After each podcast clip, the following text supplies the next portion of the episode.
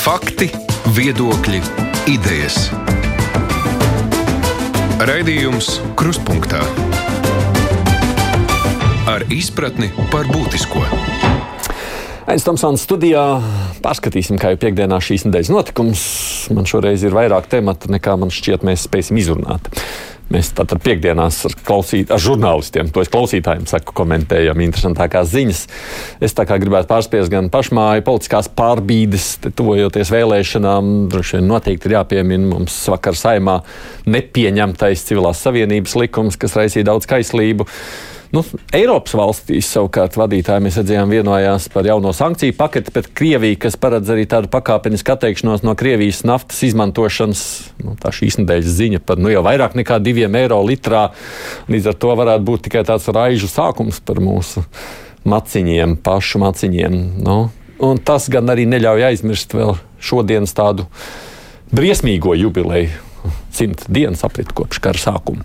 Studijā šeit kopā ar mani ir Māra Libeka no Latvijas avīzes, sveika, Sveiki. un Filips Lastovskis, kas tagad vada Latvijas radio pētnieciskās uh, žurnālistikas nodaļas. Sveiks! Sveiki! Savukārt attālināti pieslēgusies man kolēģi Māra Jansons. Sveika, Māra! Labdien! Un Kārlis Streips no TV24. Prieks tev arī, Kārli, redzēt! Prieks te būt! Uh, nu, to virkni problēmu īstenībā, kuras mēs šodien pieminēsim, jau rada tas karš Ukrainā domas, kādas jums raisās, domājot par visu šo, ko šīs simta kara dienas mums ir mainījušas, Māra? Nu, skumjas domas. Nu, es nezinu, vai, vai ir kāds Latvijā cilvēks, kas nesako līdzi tiem notikumiem. Rīts sākas ar ziņām, pa dienu, vakarā atkal no rīta cerība kaut kas mainīsies, labo pusi. Viena daļa ir tā, ko mēs publiski redzam, un otra daļa ir tā, nu, par ko mēs neesam informēti. Un, ja ir mums pazīšanās kādās militārās aprindās, kas savukārt uztur kontakts ar Ukraiņas militārām aprindām, nu, tad var uzzināt arī netik patīkamas tās ziņas, kas mums neparādās. Protams, ka mēs katrs ceram, ceram uz Ukraiņas uzvaru. Neiet viegli. Saprotu tagad, ka. Mm, ka Krievi cenšas radīt tādu kā katlu mm, Severodoņaskā un ielenkt to karaspēku. Un viņi ir mainījuši taktiku, kā mēs zinām.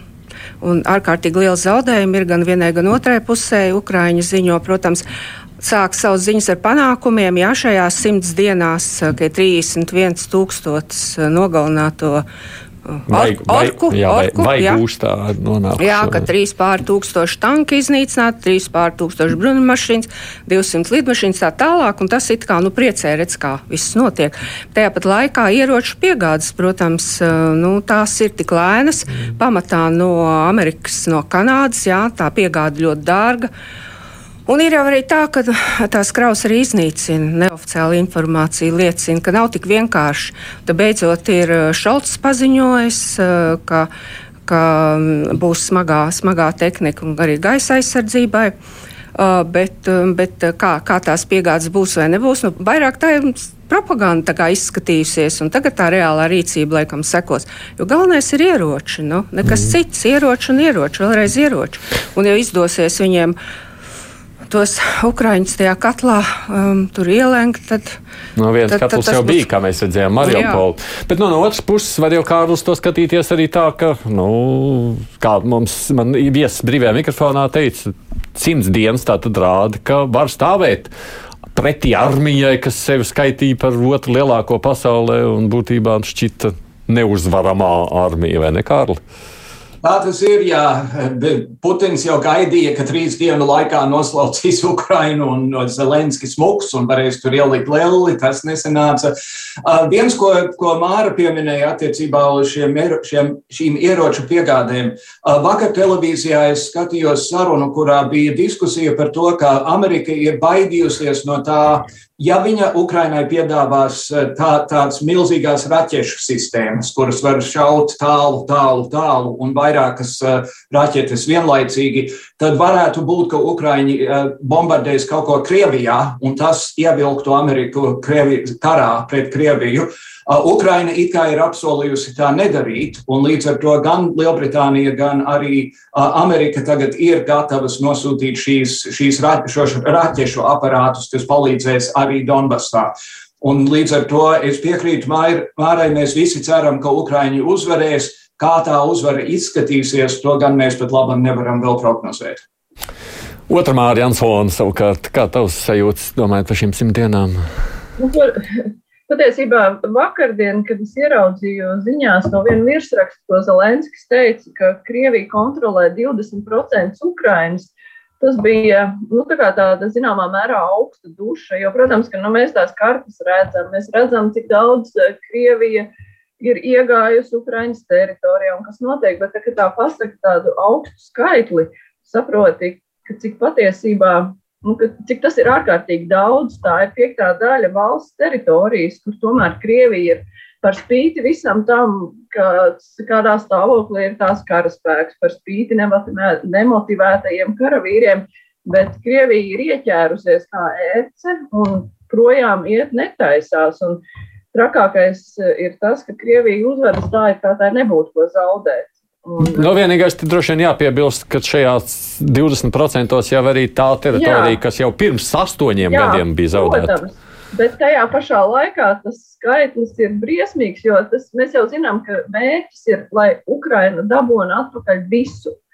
Un, eh, protams, ka Krīma tas jau ir cits jautājums. Eh, tā ziņā, ka ja, ja parastajā, ja cietzemē, tā teikt, ir cerības, ka Ukraiņas karaspēks izsitīs Krievijas karaspēku laukā, tad, nu, Krīmā tas ir, tur ir, tur grūti iedomāties, ka tur varētu notikt tāda kara darbība, tas ir jau vienošanās rezultāts, kur ir jābūt uzstājīgai visai pasaulē un kontekstā ar to mīkstmiesību, ko parāda atsevišķas valstis, tas izskatās, nu, tā skumdinoši. Tajā pašā laikā, nu, ne, nu, par spīti tam es esmu joprojām optimiste, ka Ukrainai izdosies, bet eh, nu, tā maksa ir pārāk briesmīga, diemžēl. Tev, Filip, vairāk depresīvā vai optimistiskā? Kā tev ir skata no šī simta dienu skata? Nu, dzīvojot Latvijā, savā ziņā ir būtiski, ka mēs esam paši šobrīd arī drošībā aizvien, kas sākotnēji nemaz nešķita tik pārliecinoši, sākoties karam. Ah, tev pat tā bija. Uh, jā, nu, bet domājot par situāciju Ukrajinā, drīzāk optimistiski, ja tas vārds vispār ir izmantojams. Nu, tas tā, būt, tā jau ir filozofiska diskusija, vai to vārdu šeit var mm. lietot. Bet, kad sākās karš, tad uh, pirmās dienas bija tādas pat pirmā diena. Nu, vai tas Zelenskis būs dzīves vēl pirmās dienas mm. vakarā? Labi, Vai viņiem izdosies izvilkt nedēļu? Izvilka.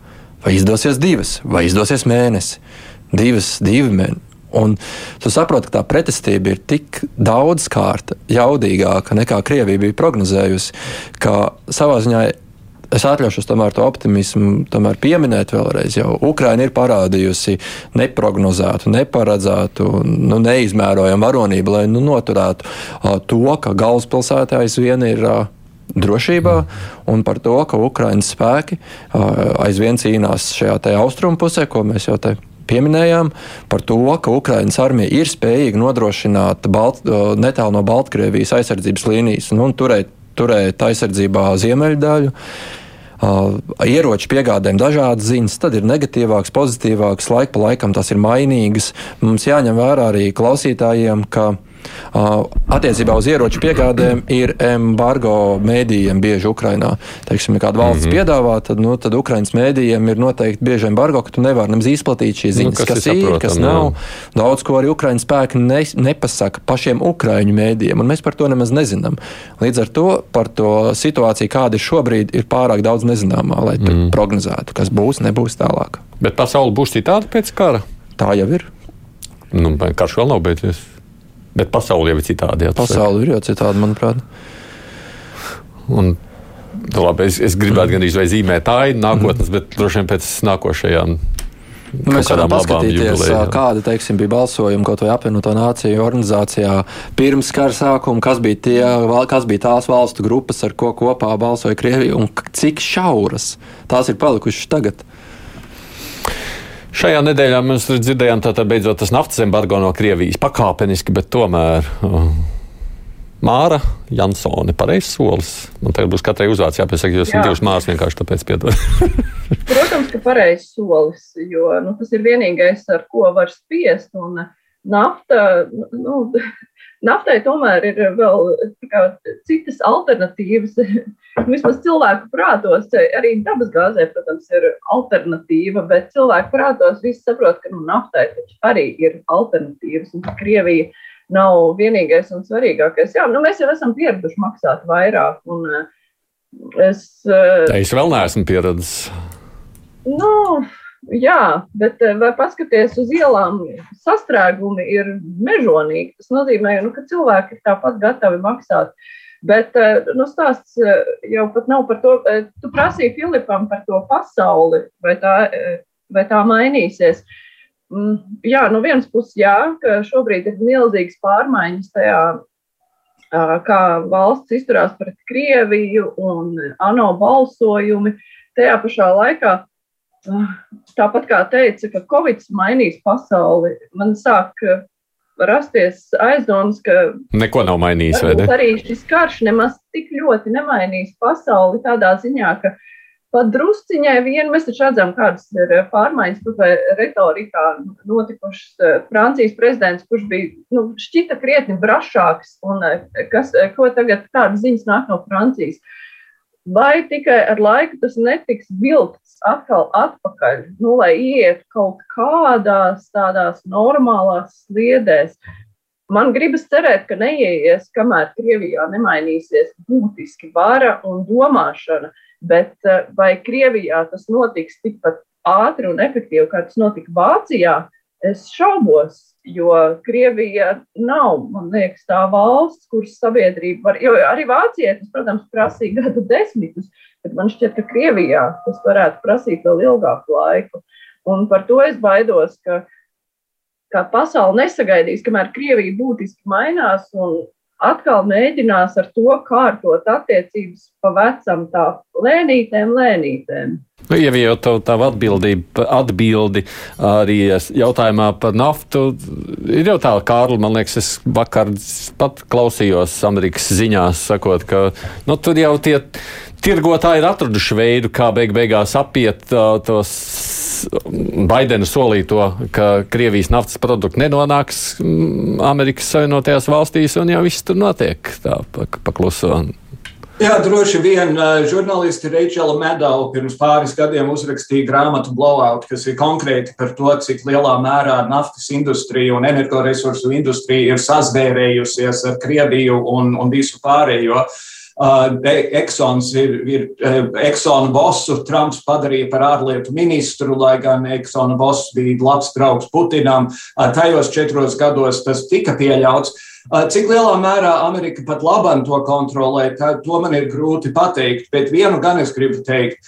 Ir pārsteidzoši, drusku pārsteidzoši tas, cik lielā mērā, ko līdz sākās uzbrukums Ukrainā, visa pasaule sametās kopā nākt palīgā, atstājot aiz borta to, ka pat labi notiek genocīds Jemenā, pat labi notiek genocīds pret uiguriem Ķīnā, pat labi notiek es, es nezinu, vai genocīds, bet kaut kas ļoti smags palestīniešiem tuvajos austrumos. Tādā nozīmē, tad, kad beigsies karš Irākā, es atvainojos, Ukrainā, pasauli joprojām karos.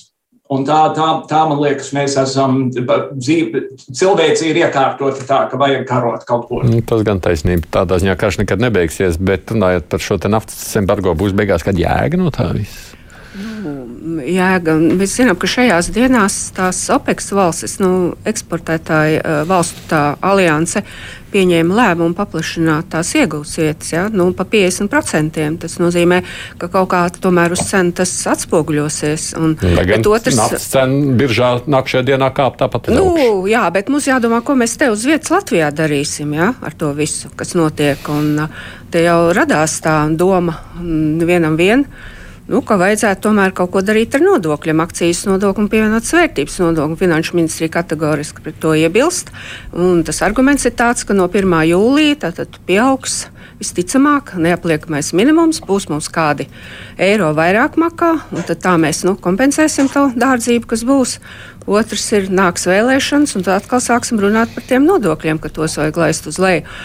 Bet nu, vienkārši cilvēkiem būs jādzīvo taupīgāk. Nu, tas ir skaidrs. Un, uh, Mēs redzam, ka, piemēram, jau Vācijā nu, viņi tur um, transporta biļetes kompensē, laikam, samazina par 9 eiro jā, uz mēnesi, lai cilvēki var braukt sabiedriskajā transportā.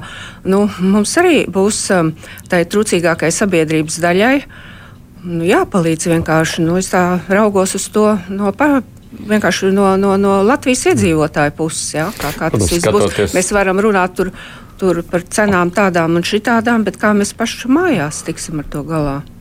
Benzīna cena un naftas embargo tā izvēle, par ko tu gribi vairāk. Kas tev uztrauc vairāk? Pats, pats uh, degviela arī, un tas ir sāpīgi. Tas ir sāpīgi, taču nu, man liekas, ka mēs esam jau Latvijā redzējuši vairāk kārt, ka tad, kad uh, cenas sadārdzinās, īpaši tad, kad tiek paziņots kādas sankcijas, un tad tās nedaudz nostabilizējās. Diemžēl tagad tā nostabilizēšanās ir tāpat, tāda stabilā cena ir tāpat ievērojami augstāka, vai tie ir eiro 85, eiro 80. Bet par naftu man liekas, ka tā jēga noteikti ir. Tikai, diemžēl, šī jēga ir ilgtermiņa, nevis īstermiņa, un tā nafta tagad kara kaut kādus aprēķinus vai kara spēku līdzsvaru nemainīs. Jo tā ietekme uz Krievijas ekonomiku tur ir pusgads vai gads vai pusotrs gads. Tur, tur, tur jāstāsta kādam ekonomistam, ir, taču tas ir ilgtermiņš un tas ilgtermiņš ļoti. Tieši nu, pirmo reizi es pieļauju skars Krieviju tajā brīdī, kad tā saskarsies ar budžeta ievērojumu deficītu. Un tā ir jārēķina, kā šo budžeta deficītu, jo, jo no šīs naftas nāk ievērojami budžetā plānoti. Viņiem vēl kaut kāda krājuma vēl ir. ir. Taču viņiem tāpat viņus vajadzēs lāpīt. Un ko tad tu vari darīt? Tu vari vai nu aizņemties, un mēs tikko jau runājām, ka cik tad ir to partneru, no kā vēl var a, aizņemties. Un otrs variants ir, ka vienkārši ieslēgt a, printeri un, labi, es te banalizēju, bet sāk drukāt a, naudu. Taču tā, to darot, atkal cilvēkiem mm. pazaudē iespēju inflāciju teiksim, noregulēt. Un to atkal jau sāc... Tāpat ir inflācija jau augšā ar visu. Šobrīd viņu regulē. Krievijā jā, ir augstāk, bet tā vēl to šobrīd ir regulēta. Krievijā ir pietiekami daudz līdzekļu, lai kara laikā vēl tomēr vēl censtos tur noturēt to līmeni Krievijā, lai tie cilvēku sāpes slieksnis galais nebūtu pieņemts. Bet tajā brīdī, ja viņi ir spiesti, teiksim, sāk kompensēt šos naftas zaudējumus, kas ir ilgtermiņā, tad, diemžēl, tiem, nu, vai par laimi, kā kuram tur šī inflācija visticamāk būs neizbēgama. Tā, tā būs kā zibens spēriens vienā brīdī. Protams, no vienas puses labprāt parunāt arī par to grūto lēmumu pieņemšanas procesu. Visā Eiropas Savienībā par naftu strīdējās, kā mēs redzējām, mēnešu garumā. Un tad vēl tur to patriārhu Kirillu vakar izsvītroja no sankciju sarakstiem. Jā, Ungārijas jā. lapojās, ka viņiem izdevās nu, jā, dieva kalpu kas viņš ir. Pietuvināta ļoti Putinam persona, kuru viņš tur apskauja buču un rozes pasniedz. Oh, oh.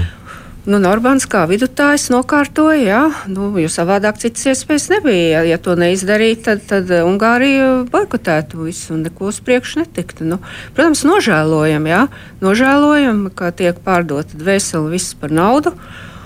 Un, un, un, un tas tā ir, diemžēl. Un, un, Nu kā, nu, ja tās sankcijas ir lūgums, un viņš kā starpnieks izpilda, domāju, ne jau pa pliku velti. Ja?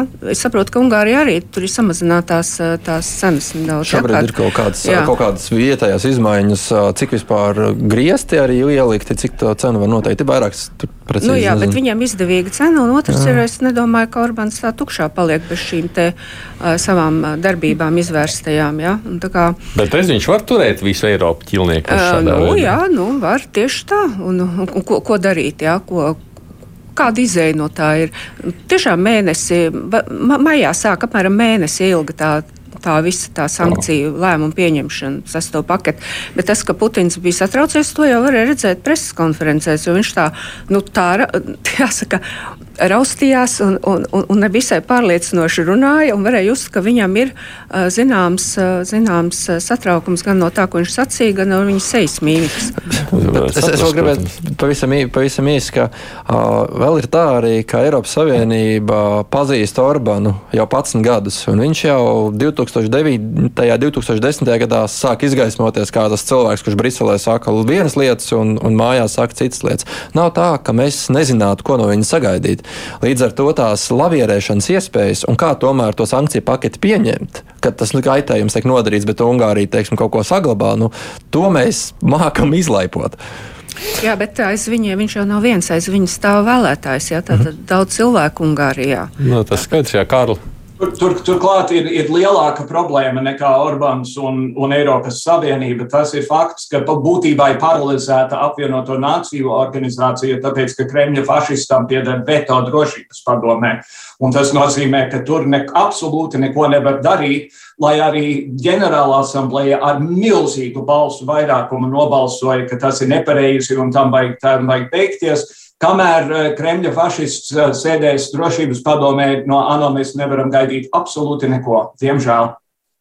Es tur vēl skatījos ar šīs nedēļas bildi. Nu, tā bija šajās dienās bilde, kur uh, tas Serbijas prezidents apkāvi, apskāvies Jā. ar Putinu vai ne. Un tad domā, bāc. Un tas arī tas Eiropas Savienības kandidātu valsts uh, nākošais gribošais iekļūt Eiropas Savienībā. Mums būs otrs, otra valsts, Bet ja viņi, ja viņi uzņems. Tas šķiet šajā Stud, no šīs studijas ir izskanējis jau vairāk kārt, bet tās nesaraujamās vēsturiskās Serbijas un Krievijas attiecības, kas viņiem ir jau gadsimtiem ilgas, tur acīm redzot, nekas nevar sašķelt. Es nezinu, kam ir jānotiek. Un, no, nu, kas... acīm redzot, Serbijai tas ir svarīgāk nekā šobrīd, šobrīd uh, tiekšanās uz Eiropas Savienību. Vai mums viņu vajadzētu vispār Eiropas Savienībā tādu Serbiju?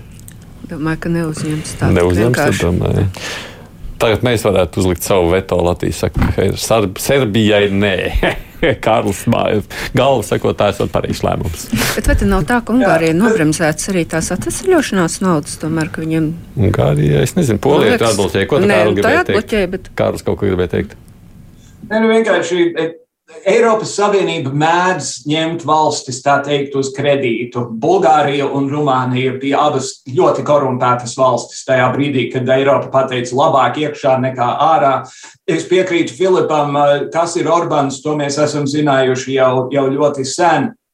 Bet arī Polijā ir diezgan autokrātiska valdība. Ir dažādos jautājumos Francija var atšķirties vai Spānija var atšķirties.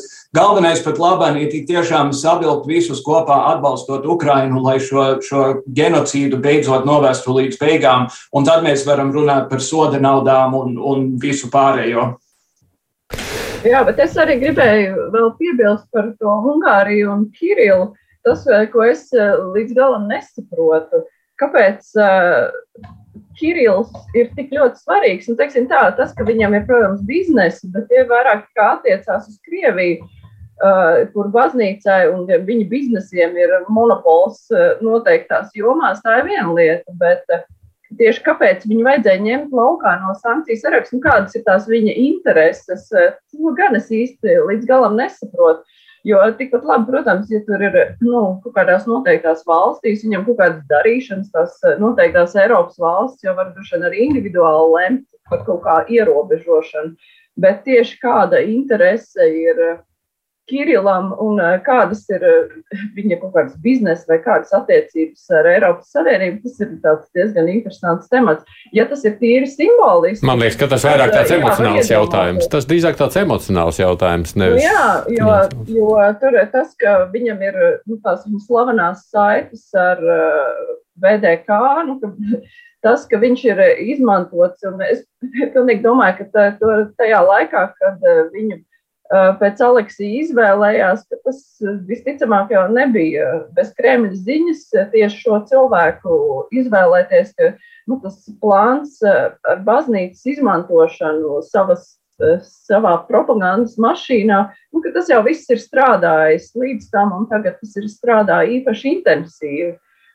Un, nu, jā, tas ir, ja viņu, tas ir kā varbūt, nezinu, izņemt Putinu no, no sankcijām vai Kirilu no sankcijām, Es nezinu, nu, kā, kā strādā tas simbolisms, uz ko tas strādā. Uz Eiropiešiem, Eiropieši tāpat, eh, ko saprot, to saprot. Uz vietējiem eh, krieviem, vai viņi vispār uzzina, ka tāds Kirillis nonāk tajās sankcijās, un vai tas viņus apbēdina, varbūt viņi tieši otrādi domā, ka viņu eņģelim kāds tagad brūk virsū visi tie sātani. Nu, tas tāds interesants stāsts, eh, kur gribētos īsti saprast tās saiknes Nu, varbūt tāpēc arī varēja tik viegli atteikties, ja viss svītrot viņu no tā sarakstā jau droši vien, ka tādā finansiālā nozīmē tam mm. jau tāda baigta. Es domāju par tām sankcijām, nav. ka pamazām jau tās sankcijas tiek noņemtas ar, ar, ar, ar, ar Eiropas Savienības vispārējās tiesas spriedumiem.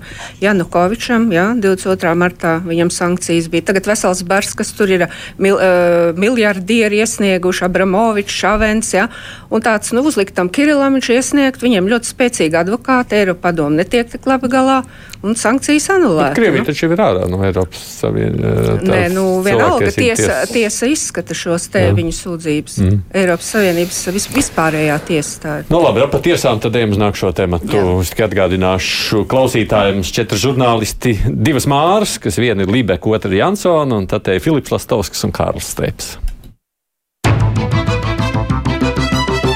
Raidījums Krustpunktā. Sakāt par vakar saimā nepieņemto civilās savienības likumu? Īstenībā, kāpēc tieši pirms trešā lasījuma, nevis pirms otrā? Jo vai pēc loģikas viņam vajadzēja ātrāk iesprūst, ne? Kāpēc ātrāk? Es uh, godīgi nezinu. Nu, nu, kā nu, mēs redzējām iepriekš to šo te gaidānu balsojumu, kas vispār ļāva tam nokļūt līdz trešajam lasījumam. Iespējams, ka nemaz necerēja, teiksim, ka vispār nokļūs Nacionāla apvienība, kas, teiksim, nu, varbūt nemaz neplānoja, ka nokļūs līdz šim trešajam. Paļāvās uz to iespējams. Nu, jo tas paliktu komisijā. Uh -huh. nu, labi, nu, tagad izdevējs ir vai ne? Uh mhm. -huh. Uz ilgu laiku. Un, nu, droši vien tas ir jautājums, cik ilgā laikā KNAB var pabeigt to resorisko pārbaudi, kas ir par šo balsu pirkšanu, kas ir šis uh mhm. -huh. publiskais iemesls. Nu, Saskaņai. Jā, nu, tur īstos vai kādus iemeslus tur var visādi diskutēt, ko tur domāju vai nedomāju, bet skaidrs ir fakts, kad varēs nākamreiz atkal lemt. Šobrīd saprotu, ka tas likums atgriezīsies, bet atgriezīsies tad, kad uh, Knaps būs pateicis, ka resursie pārbaudē neko neatrada. Nu, 99,99% ,99 ka tas tā arī būs. Tad prātošana nepieļauj. Neticu. Man, man tur pat tie balsojumi tā, bet um, mums bija. Saimai, ja? faktiski Tieslietu ministrijai, kur uzdeva to likumu izstrādāt, bija pusotra gada laika, no 20. gada novembra līdz 22. gada 1. jūnijam. Ja? Un tagad pēdējā brīdī sākās tas viss. Un faktiski no mazas zirgsteles iedegās liela liesma, jo uh, tad, kad uh, satversmes tiesa lēma, par ko viņa lēma, par vienu mazu aspektu, ka sievietei, kurai bērns, ja nedod to desmit dienu uh, atvaļinājumu, ja? un no tā iedegās vesela globāla problēma tika uzrakstīts, nu, darba likumā to grozījumu izdarīja. Ja? Tagad uh, darba likums pieļauj šādam cilvēkam, bet tālāk tas regulējums, kā, kādā šūniņā tā sieviete dzīvos, ja? ar to otru sievieti, kā tur viss notiksies. Nu, tas viss arī tajā likuma projektā es viņu izlasīju. Viņš ir ļoti tāds baltiem diegiem šūts, principā, kā tas pie tā likuma projekta diezgan jāpiestrādā, lai vispār normāli cilvēks varētu saprast. Uh, kas šādā gadījumā vienzimumu pāriem pienākās, kā viņus dēvēt un tā tālāk. Bet, ja? Es pareizi saprotu, tāda arī ir doma, ka šo sākotnējo likumu Latvijā tiek parādīts, ka šie cilvēki eksistē, nu, viņiem ir šīs attiecības cilvēciskās, ka viņi tiek uzlikti uz tā, kā nu, viņi tiek reģistrēti un viņi ir eksistējuši bet, valsts acīs. Šis jau nav bet, tikai uz vienzimumu pāriem, viņš laikam jā, uz dažādām tām attiecībām. Primāri, jā, primāri jā, jā. tiek paziņots, ka mūsu socioloģiskās tur, pētījumos ir atklājies, ka ka uh, bērni dzimst nevis ģimenēs, bet nu, nelaulātiem pāriem. Ja? Tagad viņiem jāļauj tā iespēja dibināt šīs civilās savienības, un tas kaut kur muļķīgi izklausās. Tad viņiem ir izdevīgāk uh, tomēr aiziet uz cilvēku stāvokļa aktu reģistrācijas nodaļu, kas tur ir gandrīz bez maksas. Ja pie notāra tur maksāt naudiet, principā likums ir domāts vienzimumu pāriem. Tā arī vajag to pateikt. Ja? Bet aiz tā tiek aizmālēts kaut kas cits pavisam apakšā un, un, un, un runāt atklāti un tiešu valodu un skaidri to jautājumu noregulēt. Mums ir 21. gadsimts, 27 tātad, eh, sūdzības ir tiesā iesniegts. Tiesas tagad tiek noslogotas ar šiem jautājumiem, jā, lai tiesa pateikt, ka lūk, šī ir ģimene un viņiem pienāks tas, kas tajā darba likumā tur pienāks. Jā, tās desmit es dienas. Saprotu, vispār tā... tagad tiesa varētu skatīt nevienu lietu, tagad, kamēr Nē, nu, bet tas ir šausmīgs noslogojums tiesai un satversmes saimē tas bija jāizdara laikus. Un es tagad strēptu kaut ko karstu pēdējā brīdī, parādīt pirms vēlēšanām, tagad, nu, ka tur vieni par otru. Per, trešais tur kaut kāds tur pierunāts vēl ir. Nu, tas izklausās vienkārši saimā, parlamentā. Nu, iedzīvotājiem uz to raugoties, liekas, ka tur ir nu, kā nekad, kā nekad jāsaka. Kārlis, Kārlis saka, tu savu emocionālo vēstījumu pirms māra turpina. Es sākšu ar nemaz ne emocionālo faktu, ka darba likums vēl nav grozīts. Vakar pieņēmu otrajā lasījumā. Nē, nē. Uz trešo lasījumu ņems priekšlikumus līdz 16. datumam, kas būs 15 dienas pēc dienas, kad tas, tie grozījumi bija jāpieņem. Saime ir uzspļāvusi satversmes tiesas obligātam spriedumam.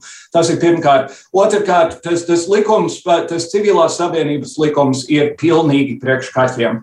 Viņš ir formāls, viņš ir viņš absolūti var no, nodibināt šādas attiecības, var viņas šķirt, bet tur nav nekas par mantojuma tiesībām, tur nav nekas par veselības aprūpes tiesībām, tur nav nekas par tiesībām attiecībā uz bērniem, adoptēšanu vai, neko, vai kaut ko tam līdzīgu. Uh, šis ir jautājums, kuru ar laiku tik tiešām atrisinās tiesas. Administratīvā rajona tiesa nu pat ir pateikusi, ka divi vīrieši, kas ir 30 gadus dzīvojuši kopā ar kopīpašumu, ir uzskatāmi par ģimeni Latvijas izpratnē. Bet man liekas, ka galu galā tā būs Eiropas cilvēktiesību tiesa, kura pateiks visām Eiropas padomjas dalību valstīm, ka ir jāatzīst vienzimumu pāri, punkts un āmen, un viss miers un bērciņš. Mm. Jā, Mārta. Jā, es, es domāju, ka tas notikuma attīstība būs tā, kā Kārlis raksturoja, ka beigās tiesas viena pēc otras pieņems kaut kādus lēmumus un Eiropu uzspiedīs. Es pilnīgi piekrītu Mārai, sakot, ka ir jārunā visām pusēm skaidra valoda. No vienas puses šis likums, kurš nu, mēs tēlojam, ka mēs tur neskaram vārdu ģimene un nu, tā mēģinām uzmanīgi pateikt, ka tas jau ir arī pensionāriem domāts. Un no otras puses, lai skaidru valodu runā arī tie likuma pretinieki, nevis kaut ko stāsta par to, kā mēs aizsargājam tradicionālās ģimenes un kā mēs sargājam bērnus. Nē, nu pasakiet skaidri un gaiši, ka jums ir iebjās vienzimumu pāri. Nu, netēlojiet, ka jums viņi patīk. Es nezinu, nevis tā, ka mēs par to rūpējamies, mēs par šito rūpējamies. Nē, jūs nerūpējaties. Visi tradicionālās ģimenes ir pateikuši sev, mums tas neko nepalīdz. Nu, tad netēlojiet eņģelīšus, un eh, tie, kas rūpējās par kaut ko, pasakiet, eh, parādiet, kas jūs īsti esat. Protams, ka noteiktam elektorātam tas arī ārkārtīgi patiks, bet eh, nu, tāda skaidra runāšana, es domāju, salikt lietas pa plauktiem. Un galu galā varbūt arī vēlētāji uz nākamajām vēlēšanām pateiktu, ko viņi īsti grib redzēt. Jo, jo tāda muļāšanās, un tēlošana un aizplīvošana, kāda, aizplīvošanās, kāda ir bijusi līdz šim šajā jautājumā, nu, tas ir diezgan briesmīgi. Nu, no vienas puses, ja, protams, tā ir skaidra valoda, bet uh, tie ir tie, kas jau sen ir nodefinējuši, ko viņi par to domā. No vienas puses, protams, jautājums par skaidru valodu tas ir tāds cilvēcīgs dabas jautājums, bet ir skaidrs, ka satversmes tiesas spriedums šeit ir, un tu tur var patikt vai nepatikt, kaut kā uz to vienkārši nāks reaģēt. Un tad tas jautājums, kas notiek tālāk. Eiropas cilvēku tiesību tiesa, starp citu, ir pateikusi, ka tas um, vienzimumu pāri jautājums, tas nav viennozīmīgs Eiropas valstīs, un tas ir atkarīgs no jā, katras valsts šim, morāls un ētikas bijis, principiem jā. un tradīcijām projām. Nu, mums, mums nav, um, saimā nav skaidra viedokļa.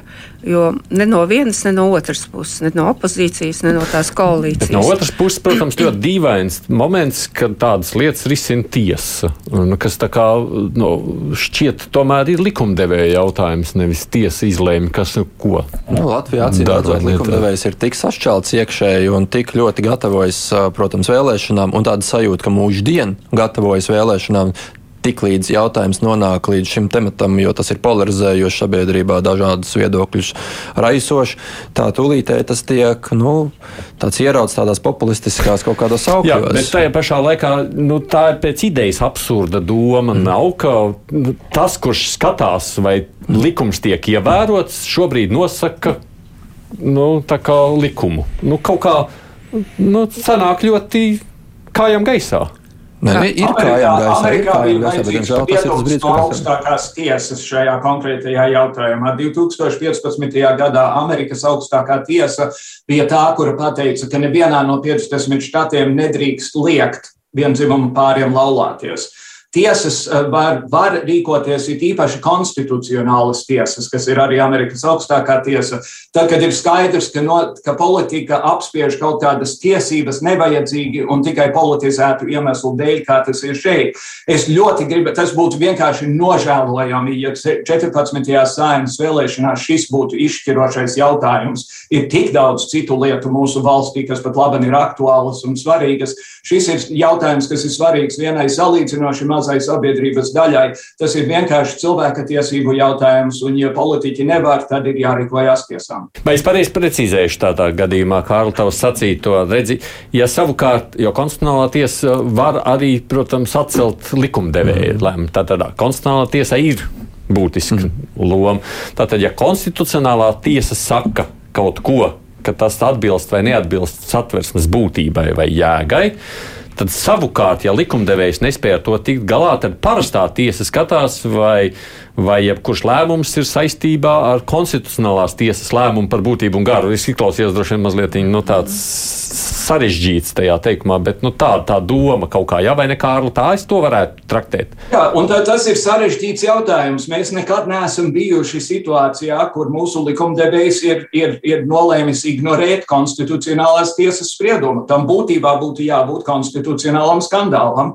Attiecībā konkrēti uz to darba, darba likuma jautājumu. Tam būtu jābūt skandālam, tas nav skandāls, un te mēs esam.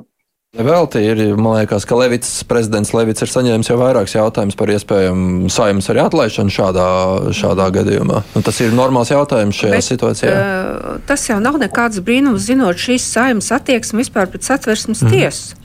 Tur jau viens otrs deputāts uh, aktualizēja jautājumu plenāru sēdē, starp citu, man liekas, kāds vairākas reizes, kam tā satversmes tiesa vajadzīga, ka to varētu arī augstā, pie augstākās tiesas kaut kādu tur, nezinu, departamentu radīt, kas ar tiem jautājumiem nodarbojas. Un tā attieksme un arī tā uh, attieksme, kāds balsojums bija par Sanitu Osipo, un tas viss kopā saliekot, rezultējas arī šādā te uh, neizdarībā. Tas tāds nu, tā kā demokrātijas kāzus, kad viena, pieņemsim, varas atzars ignorē otru varas atzaru, un tad beig beigās nu, ir. Nu, dienas beigās ir skaidrs, ka šī ir Nacionālā apvienība, kurai ir, kura ir ļoti neapmierināta ar satversmes tiesas konkrētu spriedumu. Un izrietot no šīs savstarpējās dinamikas un no šīs viena politiskā spēka uh, stingrās nostājas, nu vienalga laba vai slikta, kāda tā nostāja būtu, uh, tālāk ir izrietējuši viss šis ķibels. Par to ir atbildīga konkrēti viena politiskā partija šobrīd.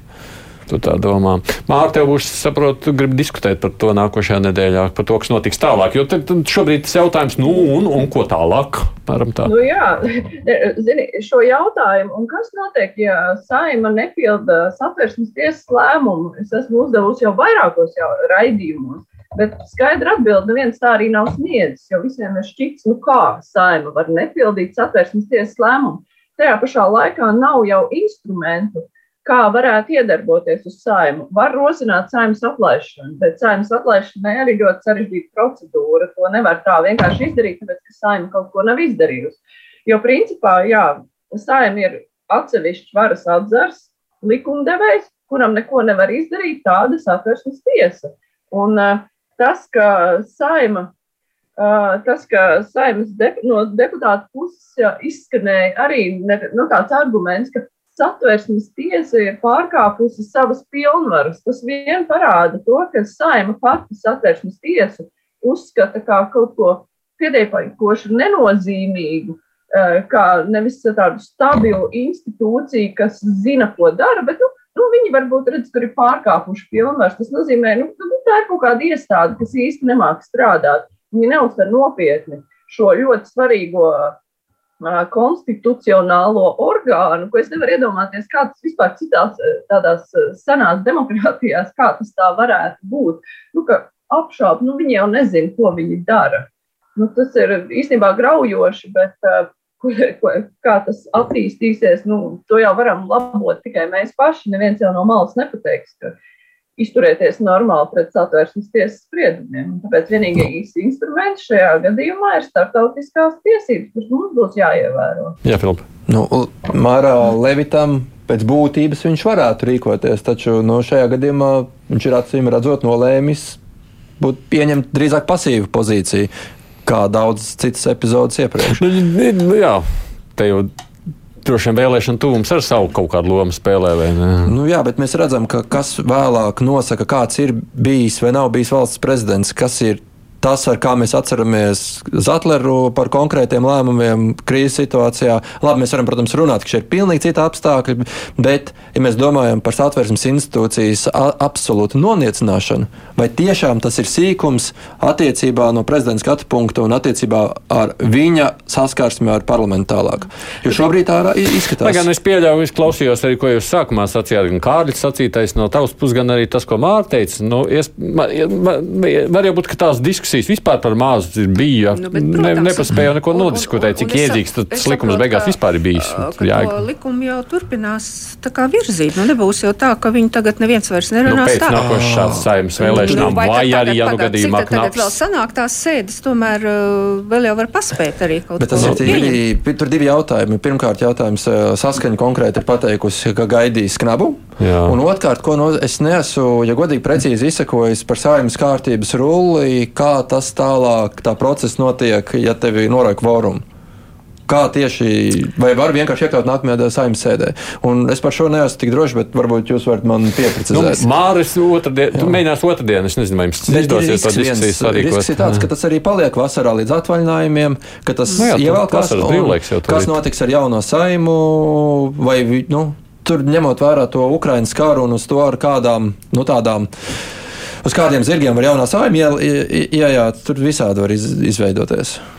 Te ir ļoti daudz emocionālu aspektu, lai paliek. Mēs vēl dažas citas lietas gribam paspēt parunāt, jo politikā īstenībā šis un tas ir bijis interesants šajās dienās. Man liekas, vēl viens tas interesantā ziņa, kas, nu, ko es pats personiski. Hmm, Grūti pat tā no vēsturiskā aspekta novērtēt. Tad LSDSP pievienojās Zaļo un Zemnieku savienībai. No tādas vēstures skatu punkta tas taču liktos kaut kāds. Ulmaņa laikā tur apkārt kapā apgrieztos vai ne? Tad domāju, ka Ulmaņa otrādāk jau guļ. tas taču kaut kā, kā tas tā sanāk? Nu, bet tas tikai...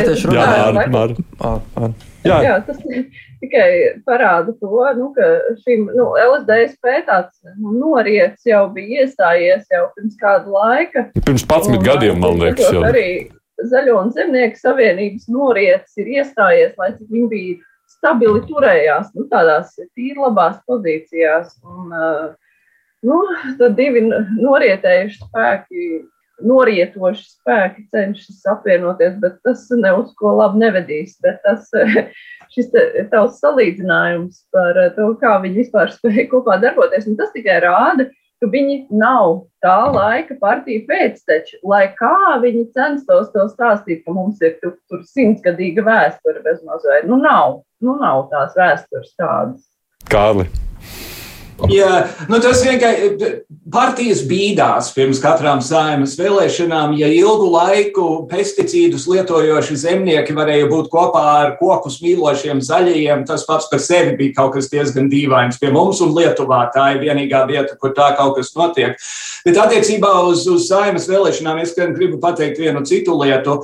Šodien ir pēdējā diena kad mē, tu, Aidi, tu, Māra un es varam atklātā tekstā runāt par parti, politiskajām partijām, politiķiem un kandidātiem, jo sākas priekšvēlēšanu laiks. Pusotru mēnesi pirms tiks iesniegti kandidātu saraksti, un mēs zināsim, kuras ir partijas un kuras ir kandidāti. Mums ir aizliegts atklātā tekstā runāt par partijām, kandidātiem un. Kā vispār? Nē, ne, kā, pag, pag, pag, pag, pag, pag, pag, pag, tā jau tik vienkārši nav. Tas, man liekas, mēs ne, mēs ne, tā, ko, sākot, pirmdien, mēs satvērsmes tiesas spriedumu. Nacionālā apvienība ir slikti darījusi, tāpēc, ka viņa ir iebildusi pret balsojumu, tāpēc, ka to radio un televīzijas padomi uzskatītu par netiešu mudinājumu nebalsot par Nacionālo apvienību. Tas ir absurdi, bet tas ir tās, tā ir valsts cenzūra. Mēdīji, tos gan sabiedriskais mēdījis, gan komercmēdīji turpinās diskutēt par politiķiem Protams, un, un valstī būtiskiem notikumiem. Soli neklusēt. Kā, tāpēc... kā, kā vēlētājiem saprast, par ko vēlēt, ja mēs Protams. nerunāsim par to? Protams, ka mēdīji ir piesardzīgāki un mēs dodam, nu, tā kā domājam divreiz vai trīsreiz, bet, bet, bet tas neaproja diskusiju.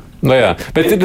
Un es, strā, es strādāju elektroniskā masu mēdījā, kas ir privāts. Tie noteikumi ir arī attiecībā uz mani, ne tikai uz sabiedriskajiem mēdījiem. Mm, likuma paklausīgs Kārls ir Filips. Par partiju vai par, par, par, par, par tā ZZS, jā. Par ZZS, jā. Nu, ja mēs tā pa, Labi, izmantosim to, kā Kārlis minēja, ka nu, pēdējā diena, kad var ļoti brīvi runāties uh, par, šo, par šo jautājumu, tad uh, Nu, zaļā, nu, zaļā un zemnieku savienība tikko zaudējusi ir uh, locekli, tur kāja vai roka, kaut kas ir nokritis. Mēs domājam par to, kā zaļā partija no viņiem ir atdalījusies. Un skaidrs ir tas, ka viņi grib saglabāt tēlu kā tāda, pā, tā, tāda savienība, kura ir pievilcīga, kura aizvien ir nopietns spēlētājs. Nu, ja mēs skatāmies reitingus vai vietu parlamentā, nu, viņi, protams, ir nesalīdzināms stiprāki nekā jaunais partnerīts. Nu, jā. Bet nu, viņi grib noturēt to tēlu, viņiem ir jāparāda, ka viņi ir dzīvi, tāpēc viņi viņi ir gatavi piesaistīt pat šādu simbolisku, nu, jokiem pakļautu partiju šajā gadījumā, nu, par uh, Ulmanu laikam, ja mēs domājam, kura iepriekšējās vēlēšanās kopā ar divām citām partijām savāca 0,2% uh, vēlētāju balsu. Viens bija zem diviem tūkstošiem, mm. tas ir ap diviem tūkstošiem cilvēku visā Latvijā. Un tur bija trīs partijas iekļaut šo.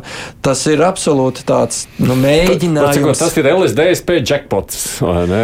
Narauts Viņiem, jā, viņi, ū, viņi, ir, viņi ir uzvarētāji. Viņi katrā gadījumā vispār uz neko nevarēja cerēt nākamajās vēlēšanās. Tur bez, bez, bez cerībām. Nu, viss par to liecina socioloģija, vēsture, iepriekšējās vēlēšanas, visa attīstība. Bet savukārt tagad uh, ZZSam ir visas iespējas, protams, nākamajā saimā tikt ievēlētiem. Nu, par to ir jāapcīnās, bet viņi var un viņi var arī nodrošināt pat labu rezultātu, ja visādi var sakrist kārts. Tad var būt kāds mandāts, kā top arī Danevičam. Nu, viņiem arī tā šķiršanās ar zaļajiem, nu, tādas grūtības, Jā. lielāku risku rada. Nu, nav jau zināms, vai Latvijas Zemnieku savienība turpinās to līgumu Latvijam Ventspilī un ko par to teiks tas uh, LDSP. Jo nu, viņi pateikuši vienu daļu, ka nebūs, tad tur citi saka, ka turpinās to līgumu. Jā, nav, nav skaidrības, kāda tur nozīme būs šim te mm. smagos noziegumos. Nu, tur jau arī nav nu, skaidrs, kas viņiem tur pa cilvēkiem būs, jo tur jau tie, tie kas aiziet pie pīlēna, nu, tur jau tādi redzami cilvēki. Un, tāpēc nu, es nezinu, godīgi sakot, vai viņiem būs tur īpaši labs rezultāts. Jo, ja viņiem tās redzamākās sejas aiziet, nu, tad tur ir diezgan liels risks. Kamēr nav saraksti, protams, ir pagaidām grūti pateikt, bet es nezinu, neesmu baigi optimistiski noskaņota. Tas radīs lielu jucekli vēlētāju galvās. Ja no, mēs jā. zinām, ka kaut kur 15-20% Latvijas sabiedrības spējīgi analizēt politiskos notikumus, pārējie balstās jau uz informāciju, ko mēs izplatām, ko reklāmas izplatām. Uz juceklis, jā, jā, jā. Tiem sociāldemokrātiem viņiem vienīgā pašvaldība Olēnas novads, kur viņiem ir uh, vairākums. Nē, no, man liekas, sociāldemokrāti noteikti ir ieguvēji. Par to es, jā, jā, jā, es, protams, neņemos spriest. Nu, reiz mēs drīkstam runāt par šo šodien pēdējo dienu tā uz pilno klapi. es jau labprāt vēl dažu apspriest. Nu, Viena apvienība, kas neapšaubāmi būs daudz aprunājuma, tā ir attīstībai par, un te droši vien divus cilvēkus varētu minēt. Es nezinu, vai tur Bondaru vērts baigi daudz pieminēt, jūs arī varat pieminēt, bet, nu, Vjačslavs Dombrovskis arī tagad viņu, nu, Es tādu nezinu, kurš kur laimes tagad ir iegūsts attīstībai par Dombrovskiju vai Dombrovskijas attīstībai par tajā visā. Mm. Nevar pateikt, kurš tur zaud, abi zaudē, manuprāt. Jā, jā zaudē. Piektā partija izrādās. Jā, jā. Nu, dīvaini viņam bija tā runa ārpolitikas debatēs saimas, no saimas tribīnas, ja, ka viņš runāja, uh, nu, ka. Um, Tas uh, Rinkēvičs kungs un ārlietu vispār resurs ir, ir izvēlējies cīņu ar valstīm, kurām nepiemīt rietumu vērtības. Ja? Respektīvi, viņi cīnās pret Krieviju un, un Ķīnu, un tie ir mūsu sabiedrotie un tam mhm. līdzīgi. Nu, tā noklausījos, domāju, nu, kāda tā politiskā virzība būs. Jā. Viņš vispār Latvijas attīstībā taču vēl nav uzņemts. Nu, vai biedrs tas ir? Nav, nezinu, jā, es to, to, to, to formālo pusi arī nezinu. Jā. Mm nu, viņš gatavojas, es saprotu, izvēlējies šo politisko spēku ir, un nu, sapratu, to sasaistīt. Laikam, laikam jau tad viņam jāvārds ir dots no. Jā, jā nu, no. protams, ja ir tas publiski pateikts. Tā kā. Um, nu, labi. Nu, katrā gadījumā, līdzīgi kā Mārais, vēl atgādināšu arī to, ka pat jau Jašlaus Dombrovskis visu cieņu viņam kā tiešām ļoti erudītam cilvēkam, gudram, viņš ir bijis tiešām gudrs arī politiķis savās kaut kādā tādā, nu, zināšanu bagāžā un arī ekonomists, taču kaut kādās tādas politiskas, nu, tiešām nesaprotamas pozīcijas ir vairāk kārt bijušas. Tas pats notika Baltkrievijas protestu, asiņaino protestu laikā. Tas jau šobrīd laiklīnija man mazliet pazudis, bet pirms, nu, pagājušā gadā Pusotrs gads. Augusts, jā. jā tad, tobrīd Jašlaus Dombrovskis izteica ļoti divdomīgas tēzes par nu, drīzāk jau tā kā gandrīz vai aizstāvot tā, re, tā režīma nu, mhm. leģitimitāti vai arī nu, ar viņu saistīts, saistīts notikums. Nu, tur tur jāpa, jāpatina lenti uz atpakaļ, ir, bet tie kā minimums bija ļoti divdomīgi saistībā ar Baltkrieviju. Un tagad tas, ko Mārta tikko teica, kāpēc attīstībai par ir tas vajadzīgs šādos Ukraiņas kara apstākļos, kurā ir vairāk kā nekad agrāk, tev ir jābūt spējīgam skaidri nodefinēt, kas, jā, kas ir mana pozīcija, nevis laipot tur, jā, nē, tur šitais toreiz tas mantojums un kas tikai vēl ne. Kārli, tev ir skaidrs, kāpēc attīstībai pats ir vajadzīgs? Man absolūti nav skaidrs, kāpēc attīstībai pārtas ir vajadzīgs, jo Vjačeslavs Dombrovskis ir perfekts piemērs Latvijas politikā par cilvēku, kuram ambīcijas ir lielākas par jebkādiem ideoloģiskiem apsvērumiem. Man lielākais sašutums bija tad, kad viņš pārgāja no vienotības uz saskaņu kas tajā laikā vēl bija, ja nemaldos, ar līgumu ar, ar Kremļa fašistu kabatas partiju un visu pārējo. Toreiz es teicu, ko tu dari, mīļais cilvēks. Bet uh, cilvēki Latvijas politikā staigā. Šodien, starp citu, ir 70. dzimšanas diena Dzintaram Ābiķim, kurš ir vienīgais cilvēks, kurš bija augstākajā padomē un visās septiņās pirmajās saimās, kādas mums bija. Viņš arī, viņš sāka Latvijas ceļā, viņš bija tautas partijā, viņš bija vienotībā, viņš bija sabiedrība citai politikai un tā tālāk. Tāpēc, ka partijas mainījās, ne tāpēc, ka viņš personīgi mainījās. Jačeslavs Dombrovskis savukārt acīm redzot ir gatavs nomainīt politisko ideoloģiju kā apakšpikses, un tas neko īpaši labu par viņu nesaka. Māra? Jā, nu es arī brīnījos šo ieraugot. Un, uh, es saprotu, kāpēc uh, Dombrovskim to vajag, kāpēc uh, Latvijas attīstībai to vajadzētu, nevar iedomāties. Jo tajā brīdī, kad viņš aizgāja uz saskaņu, nu, viņš kļuva tik ļoti saskaņisks, ka nu, neviens cits gandrīz vai tur viņa izteikumi bija tādi, nu, kas e, raisīja ļoti daudz jautājumu, ko viņš neatļāvās pirms tam esot citā partijā. Un, e, ne, nu, varbūt tā tagad atkal neatļausies, gan jau atkal neatļausies, tagad vairs, vairs jau neatļausies. Tagad, jā.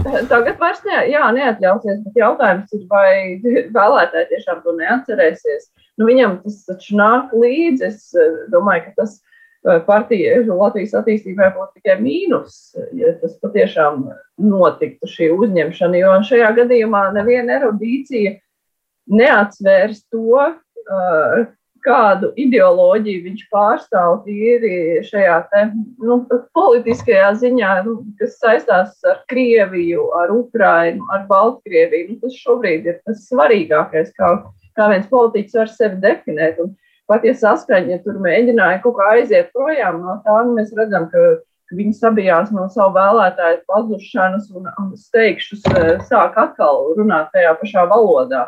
Protams, tas ir piesardzīgāk, bet Par, par Vjačeslavu Dombrovski gan vēlētājiem būtu jāatcerās viena cita lieta, proti starp saskaņu un attīstībai pār bija partija Republika, kuru viņš pats nodibināja. Viņš ir cilvēks, kurš vienmēr ir niķīgi gājis prom no dažādām organizācijām, tāpēc, ka viņam kaut kas tur nav paticis.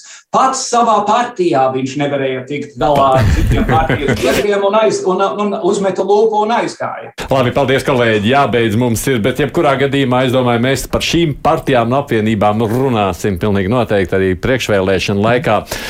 Četri kolēģi, man Mārija Ansona, Māra Libeka, Filips Lastovskis, Kārlis Streips, paldies jums, ka piedalījāties. Procentīvi jūnām studijā šodien Naidis Tomsons.